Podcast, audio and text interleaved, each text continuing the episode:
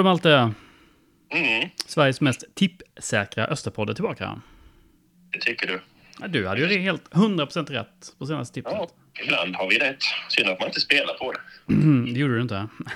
Nej, jag vågar inte. Alltså, det här att spela på Öster, det är liksom dömt att bli fel oavsett. Ja. Så, så. Just det, på något sätt. Ja, man vill inte jinxa och man vill inte vinna pengar att förlora, och du vet. Det, är liksom, Ja, men precis. det får vara något riktigt bra odds i så fall. Det får det vara. Eh, nej, men eh, seger senast här ju. Ja, 2-0 till och med. Riktigt usel match i 65 minuter i alla fall. Ja, minst. Mm. Det var riktigt dåligt. Alltså, man behövde nästan få pengarna tillbaks tänkte jag säga. Mm. Alltså, men det är ju en sån pissserie som vi har sagt. Ja, Det- Man är där man är hemma. Så, men nej, det var inte bra. Nej, inte från. Nej, kanske inte, men eh, Norrby var ju också, alltså de var ju fysiska och var jobbiga liksom, så att det var inte bara så att Öster nej. bara var dåliga. Nej, de spelar ju efter sina resurser, Norrby. Mm. Eh, så ju. Eh, så att, men det löste ju sig till slut. Men Det gjorde det med ett 100% korrekt uh, frisparksmål. det tycker du, jag hade nog varit rätt vansinnig om det hade drabbat Öster. Nej. Ja. Ja, ja, nej, men andra målet är ju stiligt dock. det är det verkligen. Ehm, riktigt schysst frisparksmål. Kul att se att vi har den kalibern i truppen. Ja, ja nej, men det är spännande. Nu är det lång, säsongen är lång, men det är ju ändå, det känns ändå bra. Ja, men det gör det. Eh, roligt att vi tar tre poäng på hemmaplan. Ja. Precis. Ja, men 13 poäng på sex matcher, det är ju ändå... Det vet jag inte om jag hade trott på förhand. Det hade du kanske inte, nej. Nej. Nej, men eh, för tusan, det var väl bra. Ja, nej, men det är kul. En match i taget. En match i taget och eh, nu väntar ju då nästa motståndare. Det är ju Örebro. Mm. Vad tycker du om det laget? Vad tycker om det laget? Mm. Eh, Jag tycker fortfarande att det är roligt att de beskyllde Lagrell för att de åkte ut. Östers fel att de tvångsnedslyttade på grund av ekonomi. Det, var, det gillar jag fortfarande. Det var väldigt ilsket då på svenska fans när vi höll på där. Minns Mm. du det? Eh, ja, det, det minns jag faktiskt. De var extremt ilska på Östers IF generellt. Ja, mm. ja, ja. Lagrell i allmänhet sådär. Så att, Mm. eh, ja Nej, men, mm. de är väl ändå... Alltså det är ju en stad, tänker jag, som behöver ett elitlag i fotboll med. Just det, precis. Eh, nu har jag ju då pratat med en representant från kubanerna, deras supportergrupp då, Elias. Och ehm, spelar väl upp den här intervjun med honom och vad han tycker om säsongsstarten för Örebro SK och supporterkulturen i Örebro. Ja, det är Elias. Tjena Elias, det var Andreas från Radio 1930. Hallå, hallå, hej. Tjena! Har du tid några minuter? Nej, men självklart, vi, vi kör. Det är inga konstigheter. Gött, roligt. Ehm, Jaha, hur är läget eh, hos kubanerna? Eh, jo, men det är väl sisådär. Eh, det är väl vissa saker som är positiva om man ser till den uppslutning som ändå är bland oss aktiva supportrar. Eh, så är den riktigt fin trots den här kräftliga eh, den här sportsliga kräftgången. Då. Mm. Eh, Men om vi då om vi tittar mer på det sportsliga perspektivet så där är vi väl inte direkt nöjda med, med den här inledningen. Eh, Så där finns det betydligt mer att hämta. Ja, eh, jag förstår det. Vi ska prata lite om säsongen och, och Örebro SK för oss som inte är så insatta så att säga. Det är ju jätteroligt att höra. Men du, först om kubanerna. Kan inte du berätta lite om historia kring, kring er supporterorganisation? Absolut. Eh, Banorna grundades ju 2002 och det var ju som en hyllning till en spelare som heter Miroslav Kubistal som var väldigt stor under ÖSKs storhetstid. Eh, bland annat 94 när ÖSK kom tvåa i allsvenskan bakom IFK Göteborg. Då öste han ju in mål och mm. på den tiden så var det väl han som var den som förmådde att piska upp stämningen ordentligt på dåvarande Eiravallen. Mm, mm. Så att därav ja, men den, den hyllningen då till, till honom. Mm. Och sen har ju kubanerna funnits som, som en officiell supporterförening då, sen eh, 2002 då, och eh, Eh, har ju vuxit eh, också under den här perioden och finns ju än idag tillsammans med eh, ett gäng andra grupperingar också, ska tilläggas. Ja, men min nästa fråga var det. Jag antar att ni är liksom eh, ska vi kalla det för det stora nätverket bland supporterna och anordnar resor och så. Men sen finns det falanger, tifofalanger kan jag tänka mig och så vidare, eller? Eh, nej, men det, det stämmer. Eh, det finns ju dels en Ultras-gruppering då, som mm. går under benämningen Ultras Nikolaj som ja, men också är eh, väldigt organiserade. Eh, sen har vi ju också ett gäng som huserar på eh, sittplats som heter Gamla fina Örebro och som faktiskt eh, sen i år också är en officiell supporterförening. Då. Mm. Mm. Även om kubanerna då är den här paraplyorganisationen ja. Eh, som jag skulle benämna det som. Mm. Och sen finns det ju även en supporterförening då i Stockholm, Svartvita i Stockholm och sen mm. även en del lite andra lösa supportergrupperingar också. Eh, mm. Örebrudar finns det några som heter som mm ja, men är för kvinnliga eh, supportrar. Eh, så att, nej, det finns ett ganska så stort antal ändå och det är väl det som är så himla roligt, mm. eh, att vi ändå växer mm. Eh, på, på läktaren. Ja, men precis. Nu har ju Örebro spelat till Allsvenskan de senaste åren betydligt mycket mer än vad, vad vi har gjort, men jag tror att det delvis finns lite likheter mellan oss som klubbar och i de här mellanstora svenska städerna. Um, hur jobbar ni genom, alltså för att försöka få klacken att växa?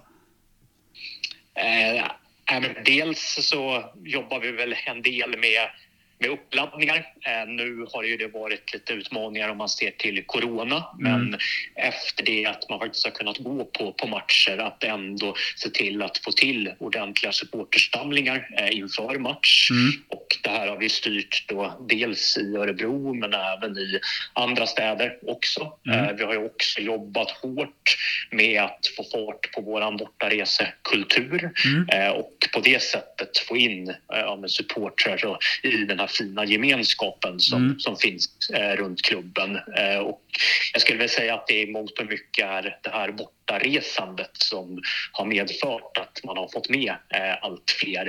Eh, för det är en väldigt fin gemenskap som, som vi har och vi har också kunnat stoltsera med, ja, med riktigt stora och fina bortaföljen eh, här. Dels i år men även under fjolåret trots att eh, vi då hade det tufft sportsligt. Ja, Ehm, precis, ja, men det, jag håller med. Det är ju, bortaresorna är ju ett, eh, extremt viktigt att, att, få igång eh, en bra funktion kring eh, om man tänker att få mer medlemmar till, till för föreningen och långsiktiga medlemmar om man säger så också. Eh, men absolut, eh, man måste ju börja i, i någon ände och mm. som sagt det är ett bra sätt att komma in i, i den här kulturen och få mer smak. Du som utestående då, så tänker jag på Örebro, så tänker jag att det finns inga SM-guld till exempel, men det finns ändå en ganska stark tradition kring kring att vara en allsvensk förening. Eh, men hur, eller, hur, hur tänker ni för framtiden nu när ni är i Superettan? Eh, för att bibehålla den här ehm, starka tillväxten som ni har haft i kubanerna?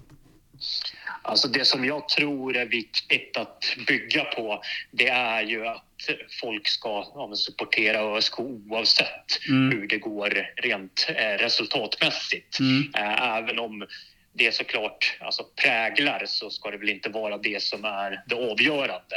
Så det är väl en del i det hela. Eh, sen kan jag väl säga också att det är ju en hel del andra aktiviteter på gång vid sidan av. Nu eh, så ska man faktiskt till helgen det var i samband med att vi möts mm. i Örebro starta mm. upp någonting som kallas för Café National. Eh, Café National var för övrigt eh, den plats eh, där ÖSK grundades 1908. Mm. Mm. Och det här ska ju då bli en ny form av mötesplats. Mm. Då. Eh, och sen utöver det så är det faktiskt som så att man imorgon eh, också premiäröppnar en pub på Västra Stå. Eh, så med det sagt, jag tror ju mycket på att liksom fortsätta att bygga kring den här gemenskapen runt fotbollen då, så att mm. det inte bara blir det sportsliga som, som står i fokus. Men sen självklart då, så jag menar, vi ser ju den här sessionen i superettan som eh, förmodligen en kort sådan. Mm. Och det är klart att eh, om den uttalade ambitionen är att vi ska vara tillbaka i allsvenskan eh, redan, redan nästa år och skulle vi om vara det, då skulle vi kunna växa ytterligare eh, bara till följd av det. Så. Mm, mm.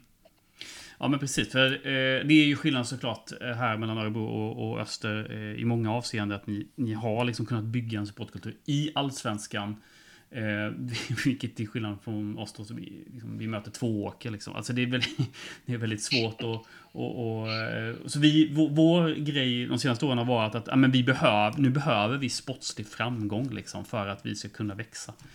Eh, men det, det är klart att, att du har helt rätt, tror jag, i att bygga olika gemenskaper, gemensamma punkter liksom, för att samlas och så vidare. Att det kan i framtiden, liksom, oavsett vad ÖSK eller Öster spelar, liksom, att man bygger på det sättet. Att det, att det är väldigt, väldigt viktigt liksom, att bygga ihop en gemenskap. Eh, nej, men absolut. Eh, och jag menar, i grund och botten så det är vi supportrar som, som är klubben. Mm. Eller medlemmarna är ju klubben. Mm. Eh, men därav supportrarna. Så att, eh, jag menar, då är också den här gemenskapen oerhört viktig. För jag menar, det är på något sätt vi som sätter prägen på klubben och som också har möjlighet att påverka eh, på årsmöten. Mm. Eh, och så. Du pratade med VSK-supportrar eh, häromdagen. Så pratade vi lite om um, det här med Stockholmsklubbar, liksom, att en del drar sig till Stockholmsklubbar i mellanstora svenska städer. Då. Um, har ni samma problem i Örebro? Jag kallar det ett problem. Ja, det har väl varit så historiskt sett, men där skulle jag nog faktiskt säga att det har börjat hända grejer om man mm. bara ser kanske ja, de senaste fem, tio åren. Mm. Eh, nu Eh, om man ser till hur det ser ut i stort. Så eh, de som är yngre supportrar, de väljer nog ÖSK i större utsträckning än vad det har varit mm. tidigare. Mm. Och eh, det tror jag också har att göra med att vi faktiskt har vuxit så pass mycket på, på läktaren. Att ÖSK ja, men har faktiskt numera en bra supporterskara och Eh, det är kanske någonting som också lockar då eh, mm. när man är i lite mm. yngre mm. ålder. Så mm. att, visst, det har funnits en sån problematik men jag tycker att eh, vi börjar ske, se lite ett skifte där. Mm. Jätteroligt att höra. Du, eh, vi pratar lite om säsongsupptakten då. Örebro har, nu får du komma in här, är det två vinster och tre förluster? Eh, det stämmer, eh, det är korrekt. Eh, två raka förluster nu här, mm. dessvärre. Just det. Och vad säger du om... Alltså, ut, utan, nu liksom mitt perspektiv. Utifrån har det ju känts väldigt kaosartat liksom, i föreningen som sådan. Vad är, utifrån supporterperspektiv, vad är, vad är din åsikt här? Jo, men jag, jag, förstår att det är det som är känslan när man tittar på det utifrån. Så om jag ska konkretisera det lite mer så skulle jag väl säga att ja, men det vi ser det är en följd av ett antal dåliga rekryteringar. Och det började ju egentligen redan under fjolåret när ÖSK spelade i allsvenskan. Mm. Eh, där ja, men det då var på gång att man skulle byta ut Axel Kjell som, som huvudtränare. Mm. Det var väl rent av så att man hade kontrakterat Stuart Baxter och att han var på gång att kliva in som, som huvudtränare för ÖSK. Aha. Men mm. sen eh, blev inte det av av diverse orsaker och eh, då när den allsvenska säsongen drog igång i fjol så var Axel Kjell trots allt tränare trots att han väl egentligen hade blivit lovad att eh, få kliva över i en, ja, en form av sportchef slash managerroll. Då. Mm, mm. Eh, men då fick han ställa upp som tränare eh, och sen då så valde man att rekrytera in Vitor Gasimba då, eh, som var ja, vår andra tränare eh, säsongen dessförinnan. Eh, han blev ju huvudtränare och han kom väl in med ganska stora ambitioner.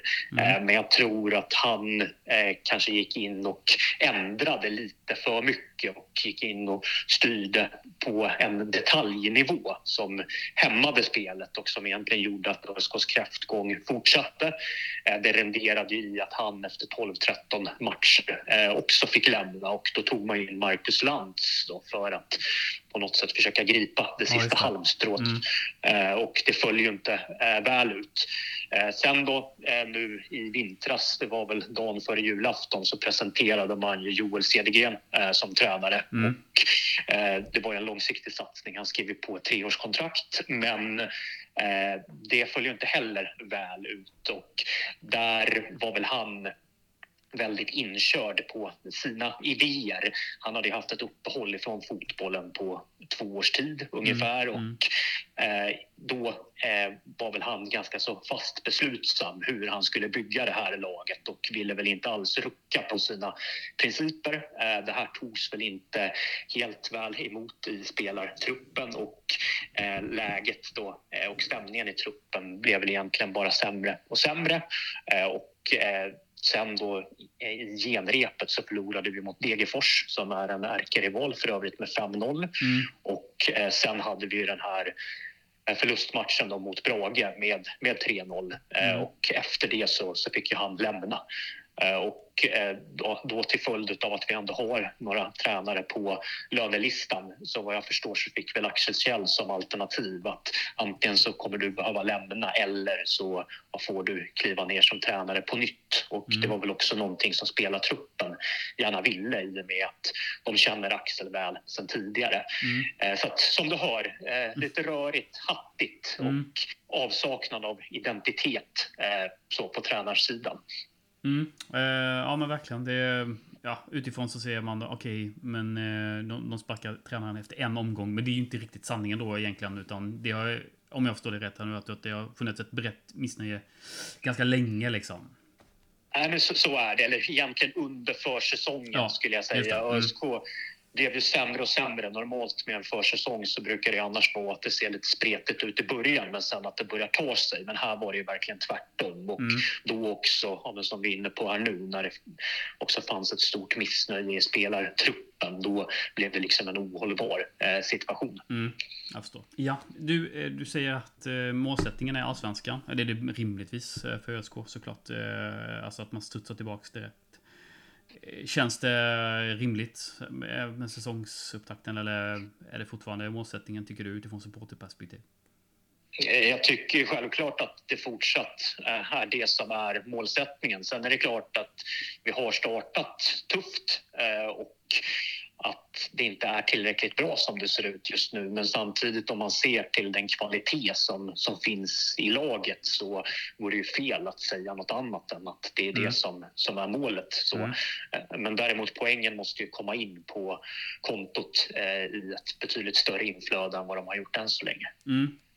Spännande att se eh, fortsättningen. Du, eh, Östers IF väntar på lördag som du var inne på. Vad känner du till om oss? Eller föreningen? Jag har väl lite koll om man tittar på, på spelartruppen som, som sådan. Ni har väl Bergmark Wiberg. Mm. Eh, det är ju eh, en duktig forward på superettanivå och om jag inte är helt ute och cyklar så har väl han gjort två mål eh, för er i är det två raka matcher till och med. Du får rätta mig om jag Ja, han har gjort fel. tre mål. Han. Tre mål till och med. Ja. Mm. Eh, men sen har ni ju också Vladimir Rodic Mm. eh, som eh, ju också är en etablerad spelare. Eh, även Dennis Kostica eh, har ju också en del eh, meriter ifrån allsvenskan. Så att, Mm. jag menar, det är ju ett intressant lag och ni har ju faktiskt haft en ganska så bra start på superettan och jag tror ju absolut att Öster kommer vara ett lag som ja, men är med topp fem och som absolut kan vara med och aspirera på någon av de tre första platserna också. Mm.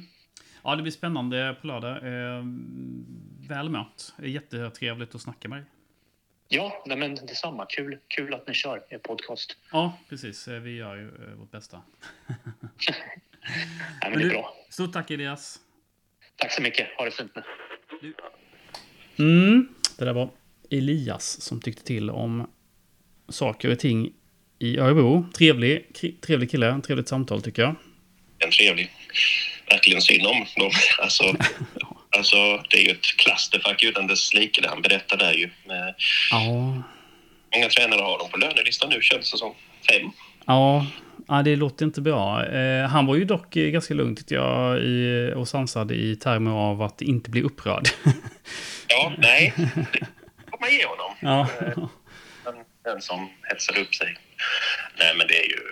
Vilken soppa ja, vilken soppa. Eh, och han kändes också så här, nej men, eh, nej men målet är allsvenskan för Örebro SK. Och det, för, ja, för, alltså, det är ju helt rimligt givetvis att den klubben ska vara där på, på utifrån eh, historia då, nutidshistoria, att de ska spela i Allsvenskan.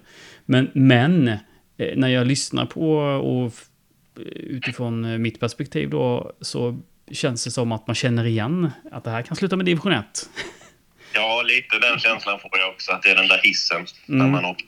Alltså så. Men... eh, Alltså, de är ju inte... Jag vet inte vad de ska göra liksom. Det är ju inte ett superbra lag på pappret ändå ju. Nej, han var ju rätt övertygad om truppen också i och för sig. Men eh, de har, alltså, de har ju spel, alltså, de har ju spelare för att vara topplag i, i superettan. Det måste man ju ändå säga. Få ihop det. Alltså varje... Så att säga. Mm. Det är väl det som är mer tveksamt. Ja, precis. Eh, ja, men spännande att se. De får ta in Astvald. Ja, han är ju där uppe. Ja, jag vet. Ja, det är han ju. Men de har ju tagit in Jädler ju. Jag glömde frågan det. Precis. Ja, Fjäll. Ja. Mm. ja. Nej, vi orkar inte ta Jädler igen. Nej. Kanske, in, kanske skulle intervjua Jädler en gång.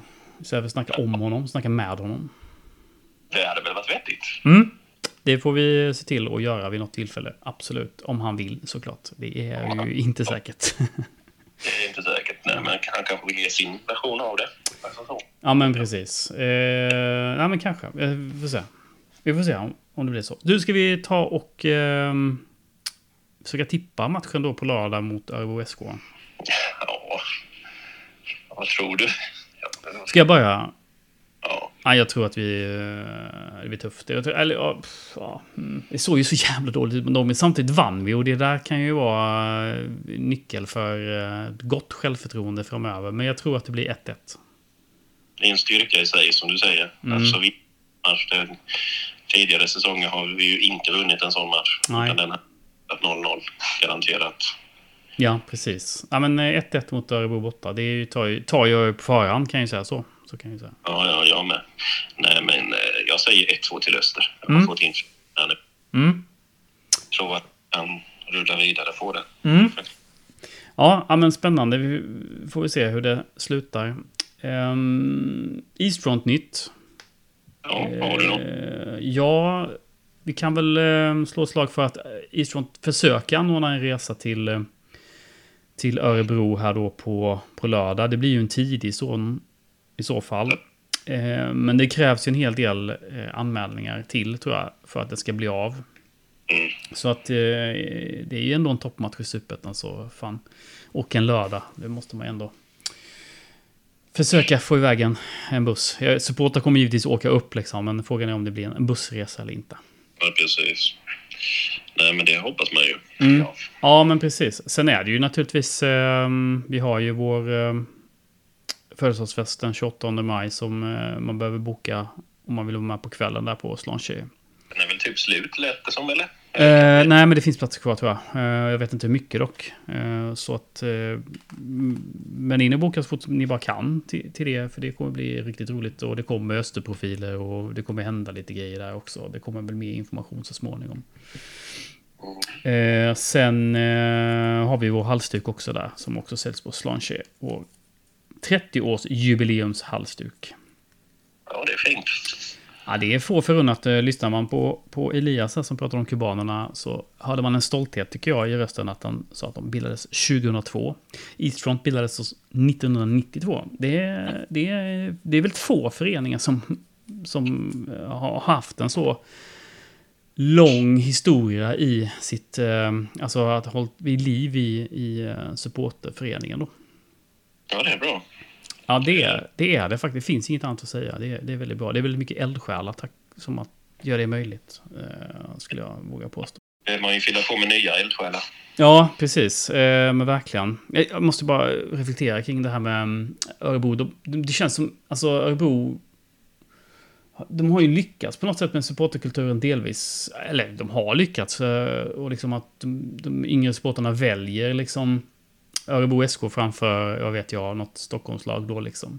Så jag tycker det, det, det är all eloge eh, till, till det liksom. Men de har ju också varit, till skillnad från oss då, etablerade i allsvenskan när supporterkulturen i Sverige fick en boom liksom. Och det, där har vi åkt jojo-lag och inte kunnat etablera någon ordentlig supporterkultur på ett sätt då. Där vi har ju det, men, men, men i, den, i de termerna liksom som att vi har väldigt mycket folk, det har vi ju inte. Mm. Ja, nej, men det är som du säger, framgång föder ju framgång. Och det behövs ju sportsligt, som du står inne på själv, att nu är det liksom dags för att Öster får lite sportsligt för att få in nya fans. Ja, Alltså så. alltså så- det är tyvärr så. Alltså, men skulle Öster etablera sig i, i, ehm, i allsvenskan så, så eh, kunde vi utan tvekan mäta oss med, med de här mellanstora städerna i Sverige när det gäller sport. Alltså som Elfsborg och Örebro och Norrköping. Alltså det finns ju all potential att, att bli det. Eh, Så att ehm, vi får hoppas att det, det blir det på sikt. Ja, vi håller tummarna. Och då är Eastfront redo. Jajamän, alltid redo. Alltid redo. En allsvensk podd blir vi då. då. Ah, fy fan, då lägger vi ner va? Ja, det, nej, för, det är för läskigt. Ja. AIK och Djurgården säkert, så det vill jag inte. Ah, Nej, för fan. Intervjua dem. Nej, jag vet. Jo, det vill vi. Det vill vi gärna göra. Eh, jaha, nej men eh, vi kan väl slå ett eh, slag för att man också kan stödja podden genom att swisha en slant om man eh, vill det. Eh, så vi kan spela på ATG framöver och vinna miljoner. Precis. Det är Ja. väl in pengar. Det kommer hända, det tror jag. När som helst, när man känner för det. Ja, när man minst anar det så vinner man. Mm. Ja, men swisha gärna ett bidrag. Vi eh, har ju varit lite hattiga, men det finns anledningar till det. Jag orkar inte gå in på dem. Men eh, nu eh, har vi inte Patreon, men vi, det, vi, får, vi har fått in Swish från en, en person. Ja, du ser. Tid för den personen tänkte jag säga. Ja, det är stort tack till den personen. Respekt alltså. 20, 20 kronor per avsnitt. Inte fel alltså. Nej, nej det är Respekt. tycker jag. Ja, det tycker jag också. Swisha gärna någon bärs till mig och Malte. Ska vi säga så? Det gör vi. Puss. Puss. Hej.